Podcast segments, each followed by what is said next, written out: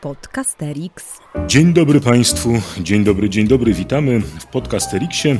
E, mówię witamy, jest nas bowiem jak zwykle trzech, no może nie jak zwykle, ale tym razem z całą pewnością trzech, a mianowicie Jacek Staniszewski, Jakub Lorenz i mówiący te słowa Aleksander Pawlicki. Ale dzisiaj poza naszą trójką jest z nami ktoś jeszcze, jest mianowicie duch Józefa Piłsudskiego, który to duch Józefa Piłsudskiego unosi się nad lekcjami historii i nad lekcjami o dwudziestoleciu międzywojennym nieustająco, a w maju być może unosi się bardziej jeszcze, bo, boż to rocznica majowego zamachu. E, I w związku z tym chciałem e, moich szanownych kolegów, e, a i was, drodzy słuchacze i słuchaczki, zapytać, czy w ogóle Józefa Piłsudskiego mamy za co lubić? Jak sobie z owym duchem Józefa Piłsudskiego poradzić, bo powiem Wam szczerze, że przynajmniej e, ludzie mojego pokolenia e, to są ludzie, którzy e, na swoje nieszczęście dorastali w czasach, a myślę tutaj o latach 70. i 80., kiedy w porządnych, patriotycznych i pobożnych rodzinach po piersie marszałka po prostu stało opodal krucyfiksu i po tym żeśmy się poznawali, żeśmy, że jesteśmy uczciwymi ludźmi.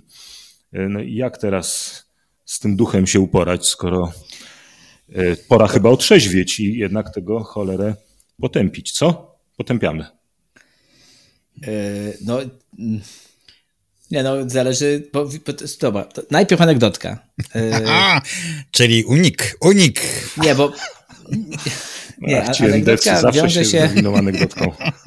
E, słuchajcie, no boję się, boję się, że właśnie nie, nie, nie, nie. Ta anegdotka jest zupełnie nie e, endecka. Powiedziałbym, że wręcz przeciwnie, bowiem dotyczy koru. Mm.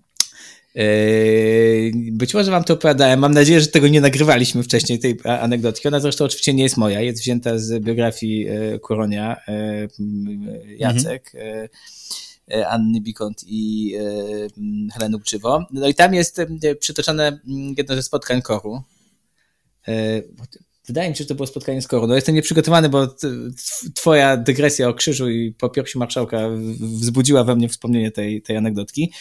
Kiedy to e, bodajże Modzelewski chyba z Kuroniem właśnie proponowali, e, żeby wystąpić z takim, mm, żeby osoby skupione wokół koru chyba w 78 roku, bo to musiała być okrągła rocznica odzyskania niepodległości, wystąpiły z takim taką, nie wiem, analizą czy takim tekstem, oczywiście w drugim obiegu, który by wprawdzie spojrzał na drugą Rzeczpospolitą. No i oni przedstawili to właśnie na, e, na forum Koru, żeby właśnie tak skrytykować tą drugą RP. E, I nie tylko Piłsudskiego, ale oczywiście tą stronę endecką. I, no i generalnie wśród młodej części korowców to przeszło. Natomiast y, na przykład Aniela Steinbergowa powiedziała, że nigdy w życiu nie może coś takiego być, tak? Czyli Aniela Steinbergowa, która broniła wszystkich tych, których druga RP, a więc duch Piłsudskiego oskarżał, y, mówiła, że nie można y, szargać pamięci II Rzeczpospolitej i chyba, tak sobie pomyślałem, że właśnie za jej głośnym protestem, między innymi jej, stało to przekonanie, że po tym się poznaje porządnych ludzi, że obok krucyfiksu jest po piersie marszałka Piłsudskiego, bez względu na to, ile się wycierpiało ze strony tegoż być może jednego i drugiego symbolu. E, więc chyba coś faktycznie jest z tym, że to jest symbol, z, mm, że marszałek Piłsudski jest takim symbolem, na pewno był takim symbolem e, dla wielu pokoleń, e, po którym, po stosunku do którego się rozpoznawało porządnych ludzi.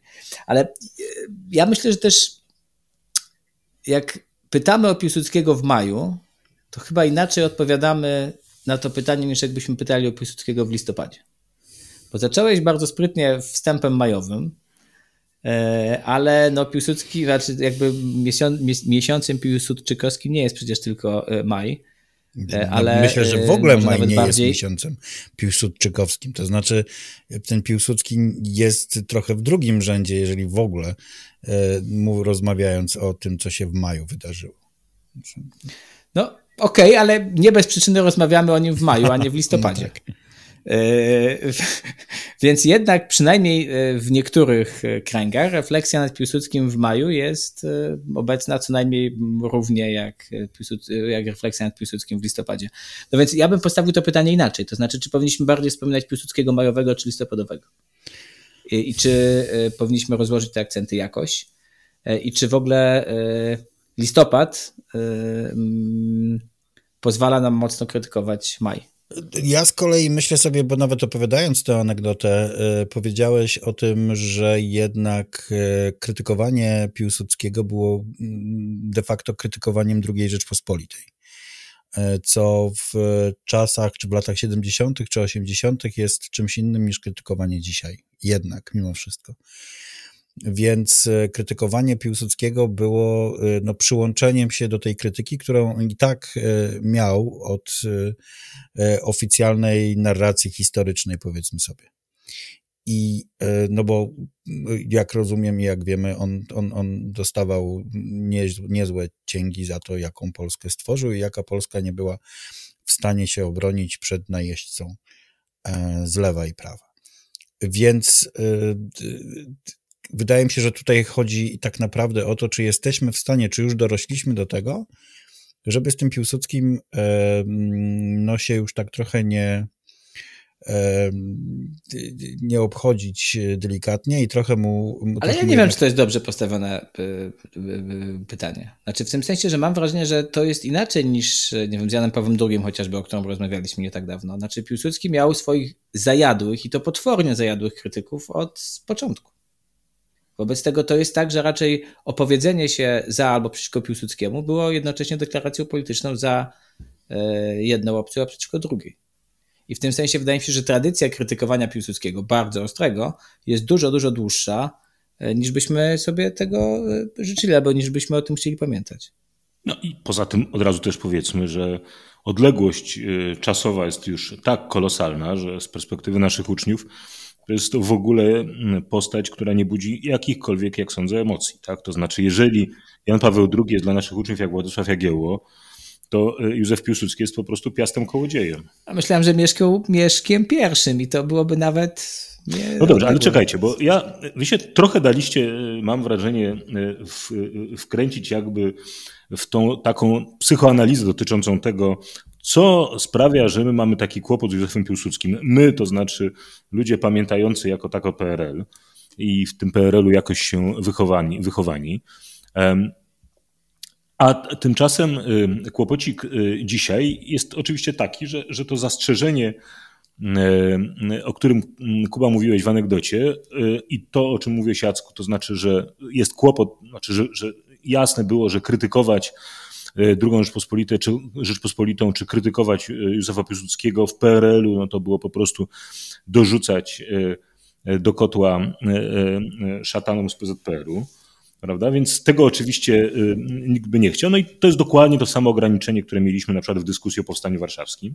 No dobrze, ale teraz już te wszystkie wątpliwości znikają, a kłopot pozostaje. To znaczy, mamy zasadniczy problem polegający na tym, moim zdaniem, że Wprowadzamy postać Józefa Piłsudskiego e, gdzieś e, w okolicach kształtowania się polskich partii politycznych, potem rewolucji 905, towarzyszy nam przez całą wojnę światową. Wreszcie docieramy do roku 1918 i ona zasadniczo jest postacią, którą e, odmalowujemy uczniom prawdopodobnie raczej w pozytywnym świetle, prawda? To znaczy nikt z nas prawdopodobnie nie dołącza się, mówię, nikt z nas, to znaczy mówię, statystyczny polski nauczyciel historii czy nauczyciel historii raczej nie dołącza się do tego, żeby, nie wiem, śladem endeckiej publicystyki e, mówić, że że Józef Piłsudski to jest po prostu zwykły złodziej i bandyta, prawda, okradający pociągi. E, no więc opowiadamy tę romantyczną historię. E, no i potem mamy taki kłopot, ponieważ mamy pewną tendencję, jak sądzę, taką ludzką tendencję do tego, żeby rozmaite postacie e, pokazywać jako postacie, które są jakoś jakoś wewnętrznie zintegrowane, tak? to znaczy stanowią, e, gdzieś się dają, dają uchwycić pewną ciągłość, one są jakoś e, zamknięte i względnie jednoznaczne i w związku z tym, kiedy przychodzi e, zamach majowy i kiedy przychodzi cały dramat, żeby nie powiedzieć tragedia sanacji, to mamy tendencję do tego, żeby usprawiedliwiać ten piłsudczykowski autorytaryzm, żeby usprawiedliwiać ten obrzydliwy kult jednostki, poprzez krytykę czegoś, co i tak było naprawdę wątłe i słabe, ale jest dla nas jedynym sensownym punktem odniesienia, to znaczy czasy demokracji polskiej do 26 roku, no bo bronimy jakoś tego mitu, który budowaliśmy cierpliwie przez ileś lekcji do 1918 roku. A a powinniśmy się z tym mitem błyskawicznie rozstać i powiedzieć, że demokracja tak, autorytaryzm nie, a kult jednostki w żadnym wypadku. No, to ja się zgadzam z tobą generalnie, bo myślę sobie też, Ale to musi być bardzo mocno powiedziane, a, a moim zdaniem jest kłopot z tym. Tak? Są dwie perspektywy. Ja myślę, że perspektywa, którą ty przyjąłeś jest perspektywą państwową. Tak? To znaczy, to jest perspektywa, kiedy patrzymy na drugą Rzeczpospolitą, a Piłsudskiego jako jego twórcę, a później niszczyciela. Natomiast i w tym sensie no, nie można pamiętać, znaczy nie można zapomnieć o tym, że ten sam, kto y, tworzył zręby demokracji, później je rozwalił. Ale jeżeli patrzymy z perspektywy Piłsudskiego, to wydaje mi się, że, że już tu dużo trudniej, Piłsudskiego jako jednostki, jako postaci, to że dużo trudniej jest, e, nawet jeżeli chcemy obalać pomniki, nawet jeżeli chcemy je odbrązawiać albo e, stawać w prawdzie w ocenie postaci historycznych, to dużo trudniej jest e, jakby nie dostrzegać obu tych wątków. Tak? No bo jednak, jeżeli byśmy nawet z perspektywy legislacyjnej i ustrojowo-prawnej przejrzeli to, pod jakimi aktami podpisywał się Piłsudski do roku 23 e, czy 21 i e, pod jakimi, mm, e, za jakimi aktami on lobbował, to w jaki konsekwentny sposób czynił zastrzeżenia dla swojej władzy dyktatorskiej, jakiej nie nadużywał jednak. No to to są wszystko rzeczy, na których jednak można budować bardzo dużo postaw obywatelskich prodemokratycznych. Tak? Znaczy, władza, to, no bo zobaczcie, Piłsudski tak, dostaje władzę nieograniczoną e, w listopadzie 18 roku. Tak? I nie nadużywa jej. E, co więcej, obudowuje ją e, zastrzeżeniami, że trzeba szybko zrobić coś, co bardziej to ureguluje. Powstaje mała konstytucja, w której znowu dostaje władzę nieograniczoną, ale za każdym razem zastrzega, wszystko to, co będzie teraz, Sejm musi potwierdzić potem, jak już będzie tak? Konsekwentnie doprowadza do y, wyborów, składa władzę, chcą, żeby został e, prezydentem, on nie chce, no, inna. I zobaczcie, te, te pięć lat, no to to jest szkoła obywatelska i szkoła tego, jak e, potrzebna jest silna władza w momentach przesilenia, jednocześnie w jaki sposób jednostka może narzucić sobie ograniczenia i nie nadużyć tej władzy. I też to jest historia o tym, dlaczego jednostka nie może zbyt długo mieć tej władzy. E, więc wydaje mi się, że e, jednak krytyka Maja jakkolwiek stoprocentowo słuszna, antydemokratyczna, niszcząca państwo e, z jak najbardziej negatywnymi w skutkach dla myślenia o państwie i o prawie konsekwencjami rządów sanacyjnych, no musi się odbywać ta krytyka Maja i nie możemy o niej zapominać, ale krytykując Maj, Wydaje mi się, że jednak musimy trochę oderwać jakby rolę Piłsudskiego, krytykując rolę Piłsudskiego, musimy ją oderwać trochę od tego listopada, no bo za listopad i to, co było później, to wydaje mi się, że równie można go e, chwalić, jak później ganić za to, co się działo później. I w tym sensie, i w tym sensie wydaje mi się, że jakby to nie tylko jest historia o tym, czy e, mitujemy, czy nie mitujemy tego Piłsudskiego, ale także o tym, że pamiętamy o obu aspektach tej historii. Dajmy teraz powiedzieć Jackowi, bo Jacek ma cały czas taką Dobrze, minę, ale słuchajcie, ale... tego nie widzicie, ale ma taką minę, jakby nam chciał powiedzieć skaczcie sobie chłopcy, skaczcie, Bereza już czeka. Po pierwsze, y, troszeczkę was sprowadzić z, z, z powietrza do klasy jednak, to znaczy boję się, że trochę zaczynamy rozmawiać, rozmawiać bardziej o, o Piłsudskim, e, aniżeli o tym, w jaki sposób powiedzieć o nim w klasie. I trochę mnie, przyznaję szczerze, uderzyło to, co powiedział Olek o tym, że musimy jednak mocno stwierdzić, że to, co później było, to było złe, autorytaryzm i tak dalej. Bo ja w ogóle bardzo się boję mocno stwierdzać, znaczy bardzo rzadko mocno stwierdzam coś w klasie. E, mówiąc, tak macie myśleć bo trochę, trochę dla mnie to jest jednak e, małe, małe przegięcie. To znaczy, nawet jeżeli mamy e, do czynienia z taką sytuacją, że mamy antydemokratyczne, antydemokratyczne wydarzenie, a później bardzo antydemokratyczny okres sanacji, który doprowadza właśnie do tej berezy kartuskiej, który dla mnie jest no, czymś, o czym mówimy za mało, bo to jest faktycznie ostatnio, nie wiem, gdzieś wpadło mi do, y, do oka to, co, to, to, co się działo i jak sanacja trwa, y, traktowała Korfantego, co jest w ogóle jakimś, y, jakąś kompromitacją w ogóle tego państwa tak naprawdę, to jednak ja w jakiś sposób chciałbym wytłumaczyć młodym ludziom, dlaczego ten człowiek, który o tym Kuba opowiadał, no tak długo starał się być tym dobrym dyktatorem, kiedy, który oddaje władzę w pewnym momencie, ale kiedy zabijają Narutowicza, jest wyraźnie tym poruszony i w końcu mówi pies was drapał i, i sobie odchodzę, że, że ja, ja w jakiś sposób roz... chcę, żeby oni wzięli pod uwagę, bo nie chcę powiedzieć, że rozumiem, bo, bo, bo jakby chyba nie jestem z tego, ale chciałbym, żeby wzięli pod uwagę, że to nie jest tylko pytanie o tym, czy utrzymywać rządy demokratyczne, czy nie, ale to jest również, jak długo on z tymi swoimi bardzo propaństwowymi zasadami mógł wytrzymać to, co się działo. To jest pierwsza rzecz. A druga rzecz, wydaje mi się, że nie można mówić o Piłsudskim, czy uczyć o Piłsudskim, nie ucząc również tego, co się dzieje w tym czasie w Europie. To znaczy, tam jak jest ta mapa z tymi różnymi państwami przy, na początku y, tego międzywojennego okresu i ostatniego i przed II wojną światową, to widać, że tych państw demokratycznych, faktycznie, faktycznie parlamentarnych zostaje garstka, tam może trzy albo cztery. Reszta jest autorytaryzmem albo totalitaryzmem.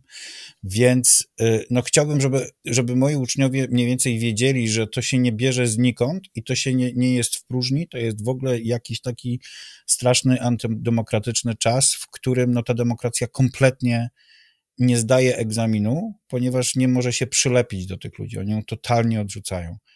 E, I, i ten Piłsudski jest tutaj tylko jakimś symbolem tego, anty, tego kryzysu demokracji, jak to się często w podręcznikach mówi. Hmm. No, y, ja przyjmuję tę, y, tę, tę y, twoją krytykę dotyczącą pewnej zapalczywości, z jaką się wypowiedziałem, ale zapalczywie się wypowiadam nie dlatego, żebym miał taką tendencję w klasie, ale głównie dlatego, że wydaje mi się, że e, warto jest, przynajmniej tu, jak sobie rozmawiamy w pokoju nauczycielskim, jeżeli tak można powiedzieć, że warto jest wybić jakby e, to napięcie, które mam wrażenie, że trochę nam znika w klasie. To znaczy, że naprawdę e, mam takie poczucie, jak przyglądam się i narracjom podręcznikowym, i tak jak pamiętam, jak mnie uczono, i tak jak myślę sobie, w co ja sam popadam, e, że mamy jednak pewną taką tendencję do tego, że kiedy już się ten mit Piłsudskiego zbuduje, opowiadając jego biografię po rok 18, czy nawet dłużej jeszcze, Y, bardzo w takim duchu e, piłsudczykowskim właśnie, no to potem e, cokolwiek e, zaczynamy mówić o wydarzeniach 26 i, i kolejnych lat, to zawsze z jakimś takim zastrzeżeniem, ale na rozmaite sposoby to osłabiającym. A przeze mnie mówi ja nie tylko nie wiem, obawa przed tym, ale też mówi przeze mnie rzeczywiście trochę nauczyciel WOS-u. Tak? To znaczy, ja jednak mam przekonanie, że to jest y, za każdym razem trochę historia, która też y, y, chcemy czy nie chcemy, jest źródłem nauk dla współczesności. A skoro jest źródłem nauk dla współczesności, chcemy czy nie chcemy, to jeżeli, tak powiedzieć, spróbujemy ten obraz złagodzić, no to moim zdaniem naprawdę dosyć poważnie ryzykujemy, że można, mogą nasi uczniowie dojść do takiego przekonania, że że tak, to znaczy, że y, demokracja powinna być, y, istnieje takie pojęcie w naukach czy w filozofii politycznej demokracji walczącej, demokracja militans, tak? I, a w tym wypadku ta demokracja jest tak bardzo walcząca tak, przeciwko swoim wrogom, że staje się autorytaryzmem, tak? czy, czy, czy pewną specyficzną formą jakąś taką bonapartystowską, prawda? I, y, i moim zdaniem to jest bardzo aktualne pytanie, bo to jest na przykład pytanie, z którym będziemy się za chwilę mierzyć. Za chwilę, może za rok, a może za pięć lat, jak to często powtarzamy tutaj, ale będziemy się mierzyli o tym, czy możemy porządkować, czy, czy przywracać demokrację niedemokratycznymi metodami. No właśnie, ale bo Olek, bo, nie, albo wydaje mi się, że ty byś chciał tak, żebyśmy akcentowali rzeczy negatywne, wystąpię teraz jako obrońca Piłsudskiego, akcentowali rzeczy negatywne, czyli e, akcentowali niedemokratyczność przewrotu majowego i e, wszystkie negatywne konsekwencje tego, co się z tym wiązało w przyszłości, ale trochę mam wrażenie, że chciałbyś, żebyśmy zapomnieli o tym w listopadzie. A mnie się wydaje, że źródłem tej nauki, o której ty mówisz, nie jest przewrót majowy. Źródłem tej nauki, o której mówisz, jest cały okres między rokiem pewnie 16 a 39. I jakby bez tego, jak były, z jakich pozycji Piłsudski wchodził do polityki i był najbardziej wpływową osobą w polityce i jak, jeszcze raz to powtórzę, jak zastrzegał swoje ograniczenia władzy na różnych etapach, trudno jest zrozumieć tą głębię zmiany, która zaszła no pewnie między 22 a 26 rokiem w Piłsudskim i też w naszej klasie politycznej. Jakby wydaje mi się, że bez zasług 18 roku e, kryzys 26 nie jest tak, e, nie jest tak bardzo uczący, jak powinien być. I w tym sensie wydaje mi się, że tylko kontinuum i tylko pokazanie jednego z drugim e, pozwala się uczyć czegoś ze strony demokratycznej. Kiedy mówimy o, o tym temacie, o, o, o wydarzeniach, przewrocie, puczu, to też jest ważne, jak to nazwiemy, e, majowym, to, e, to jednak trzeba pamiętać, że ja, ja mam takie wrażenie, że my ucząc o tym w szkole, za dużo mówimy o samym, samych dniach majowych, a za mało mówimy o tym, czym jest sanacja, czym była sanacja, czym była Bereza Kartuska, jak wyglądała y, tak naprawdę konstytucja kwietniowa, y, co się stało z ludźmi, którzy nie, chcieli się na to zgodzić, a jakie kariery poro, porobili ludzie, którzy no, doszli do władzy dzięki temu, że zapisali się do, tam, tych wszystkich BBWR-ów i różnych innych rzeczy. Trochę mi tego brakuje, że my nie pokazujemy tym, czy jest, czym jest tak naprawdę państwo autorytarne na naszym własnym poletku, tylko skupiamy się bardziej na samym e, mechanizmie zmiany w maju 26 roku. No, ale bo Jacek, ten mechanizm to, to jest ważny wątek. Znaczy, gdyby, gdyby senacja doszła do władzy w inny sposób, to jednak też pewnie inaczej byśmy oceniali to, co było później. Znaczy, że to jest jakby, może nie inaczej, ale jakby to jest ważne też, że to przejęcie władzy było z poszanowaniem zasad, na które się wszyscy wcześniej umówili.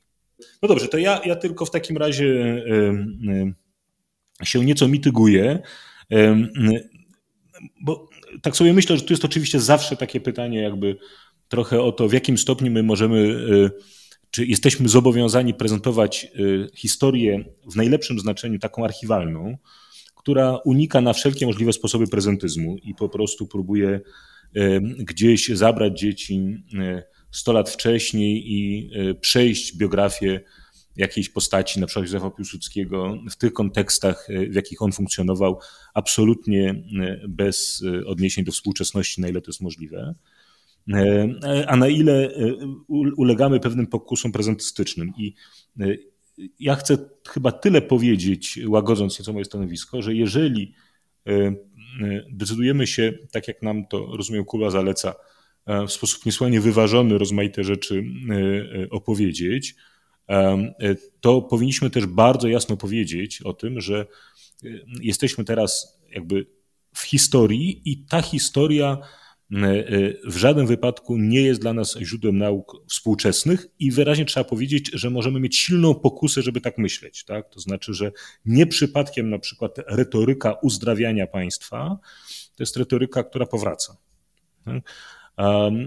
I jeżeli nie chcemy być prezentystami, to musimy też wyraźnie chronić, bo, bo, jeżeli my się wycofamy z takiej interpretacji prezentystycznej, to nie znaczy, że ona zniknie. To uczniowie jej sami dokonają. To albo musimy to wyraźnie odciąć i wyraźnie to nazwać, tę pokusę, albo jednak zaryzykować e, i razem z uczniami zastanowić się e, nad tym, jakie nauki dla nas płyną z tego kawałka historii. Ale to rozumiem, że zgadzamy się chyba co do tego, że to pytanie o nauki chyba w kontekście Piłsudskiego paść powinno, czy nie? No w każdym razie powinno być, przynajmniej z mojej perspektywy, y, y, zdemaskowane. To znaczy, że ono się może pojawić i, mm, i że nie należy na nie odpowiadać zbyt lekkomyślnie. To znaczy, że nie należy sądzić, że usprawiedliwić Piłsudskiego oznacza usprawiedliwić każde łajdactwo 100 lat później. Tak, no tak, to się zgadzamy. Ja tylko chcę jeszcze powiedzieć, kończąc, już widzę, że kończymy, ale że w ogóle walka nie tylko z mitem Piłsudskiego, ale w ogóle z mitem drugiej RP. To powinno tak. być zadanie, które powinniśmy sobie jako historycy, nauczyciele historii mieć zadane, tym bardziej, że obowiązująca niemiłościwie podstawa programowa bardzo mocno idealizuje ten. E, tak.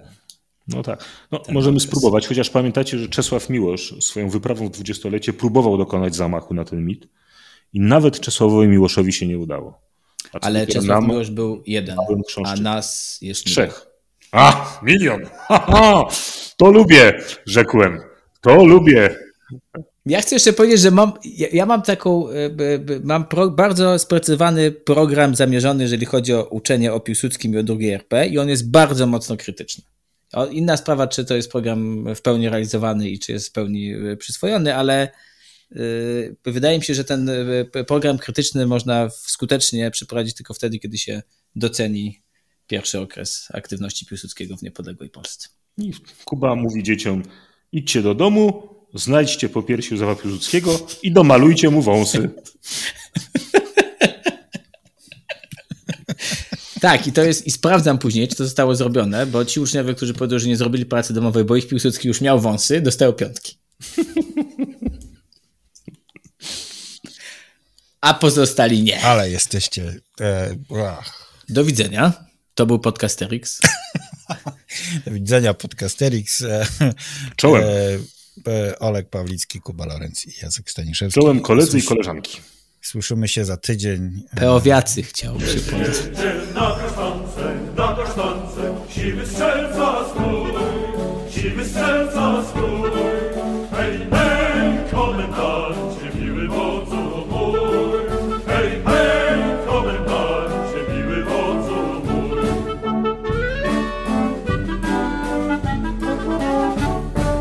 był Podcasterix. Wysłuchali Państwo kolejnego odcinka podcastu Trzech Nauczycieli Historii, którzy lubią sobie pogadać o swojej pracy, bo ją po prostu uwielbiają.